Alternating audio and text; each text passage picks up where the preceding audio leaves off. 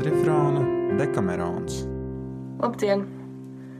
Um, ir visnotaļ savādi, ja ne grūti sarunāties ar telefona kameru ap dienu no dienas dažādu iemeslu dēļ. Nu, es katrā ziņā netiku tajā apmācīta, bet um, nu, te es atkal esmu, un es ceru, ka man izdosies to darīt sakrīgi. Um, bet jā, man jābrīdina, ka iespējams, lai šo video īstenotu, man būs nepieciešama montāžas palīdzība.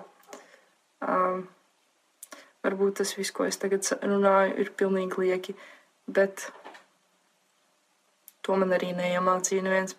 Labi, te es esmu. Uh, Giovanni Boccaccio, um, Dekamerons 9. diena, 4. novele.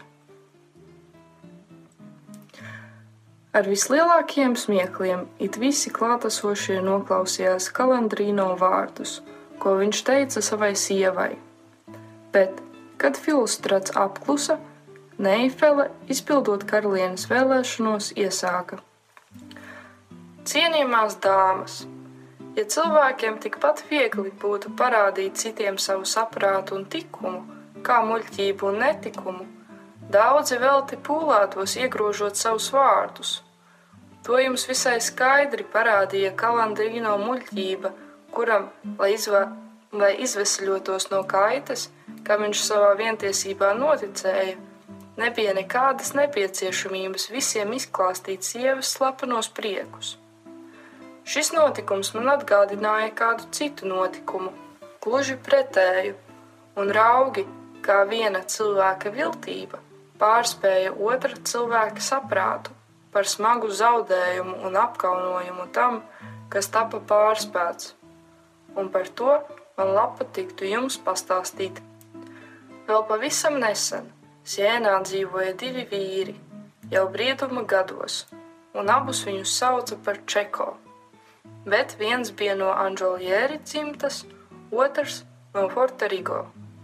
Un, lai gan citādā ziņā tie pēc savām paražām nepavisam nesadarēja kopā, tomēr vienā ziņā, un proti tie abi ienīda savus tēvus.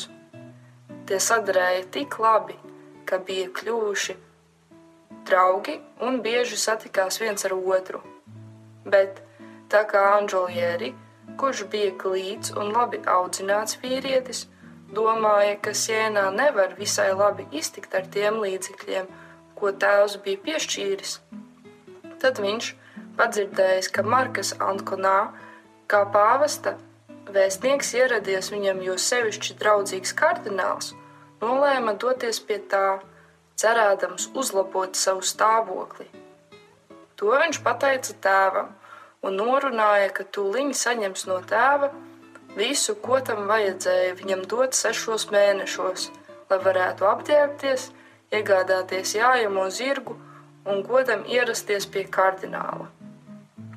Un, kamēr viņš meklēja kādu cilvēku, ko varētu ņemt līdzi par kalpu, par to padzirdēja Fortarigo. Tas tūdaļ devās pie Anģelieri, un cik vien labi prasdams, sāka viņu lūgt, lai viņš ņemot to sev līdzi, un tas gribot būt viņa zirgu puisis, kalps un viss cits bez kādas algas tikai par vēderu.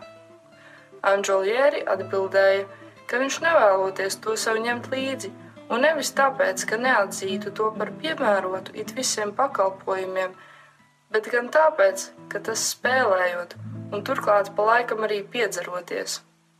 Uz to Forterigo atbildēja, ka viņš, protams, izsargāšoties kā no viena, tā no otra netikuma, un apstiprināja to visu ar daudziem zvērstiem, pievienodams vēl tik daudz lūgšanu, kā Anģelieri padevās un sacīja, ka esot ar mieru. Un kādu rītu devušies ceļā, viņa pusdienas laiku nonāca Bonkonvento.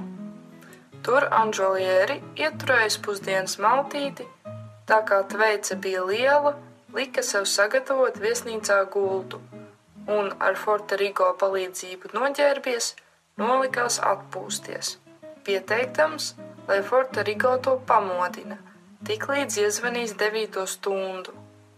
Kamēr Anželieri gulēja, Forterigo aizgāja uz krogu, un tur, mazliet iedzēris, sāka ar dažiem spēlēt, un īsā laikā paspēlēja visu naudu, cik nu viņam bija, un tāpat arī drēbes, kas bija viņam mugurā. Gribēdams atspēlēties, viņš, tāpat kreklā kā bija, aizgāja uz viesnīcu, kur gulēja Anželieri, un redzēdams, ka tas cieši aizmidzis, izvilka tam no maka visu naudu, cik tur bija un atgriezies pie spēles, tāpat kā iepriekšējo naudu, pazaudēja arī dzen šo. Pa to laiku atmodies, Anģelieri piecēlās, apģērbās un jautāja pēc Forterigo. Kad kalps nebija atrodams, Anģelieri nodomāja, ka tas kaut kur izguļ dzērumu, tāpat kā citas reizes bija radis. Tāpēc nolēmis kalpu šeit pamest, Anģelieri lika apsagot zirgu un piesiet mantas cerādams atrast savu citu kalpotāju Korsiņāno. Bet, kad viņš pirms došanās ceļā gribēja samaksāt viesnīcniekam, viņš naudu neatrada. Un tā nu izcēlās liela brēka, un visa viesnīca bija satraukumā, jo Anģelieri apgalvoja, ka viņš šeit ticis apzakts un draudēja likt visus apcietinātus vest uz sienu. Un te pēkšņi Vienā kreklā ieradās Forterigo, kurš bija nācis nolaupīt Anželieri drēbes, tāpat kā bija nolaupījis naudu. Un, redzēdams, ka Anželieri gatavojas kāpt zirgā, viņš sacīja: Ko tas nozīmē, Anželieri? Vai tad mēs jau aizceļojam? Pagaidi mazliet, tūlīt atnāks kāds vīrs, kam es ieķīlāju savu vēsti par 38 soldiem bet es esmu pārliecināts, ka viņš man to atdotu par 35, ja tūlīt samaksātu. Un, kamēr šis tā runāja, ieradās kāds cilvēks, kas mēģināja pārliecināt Anģelieri, ka Forterigo bijis tas, kas izvilcis viņam naudu, ņemot vērā summu, kādu Forterigo paspēlējis. Un tāpēc Anģelieri, ārkārtīgi saniknots, sateica Forterigo vislielākās rupjības un būtu viņam arī pamatīgi sadevis, ja vairāk kārt nekā no dieva nebūtu baidies no kāda cita.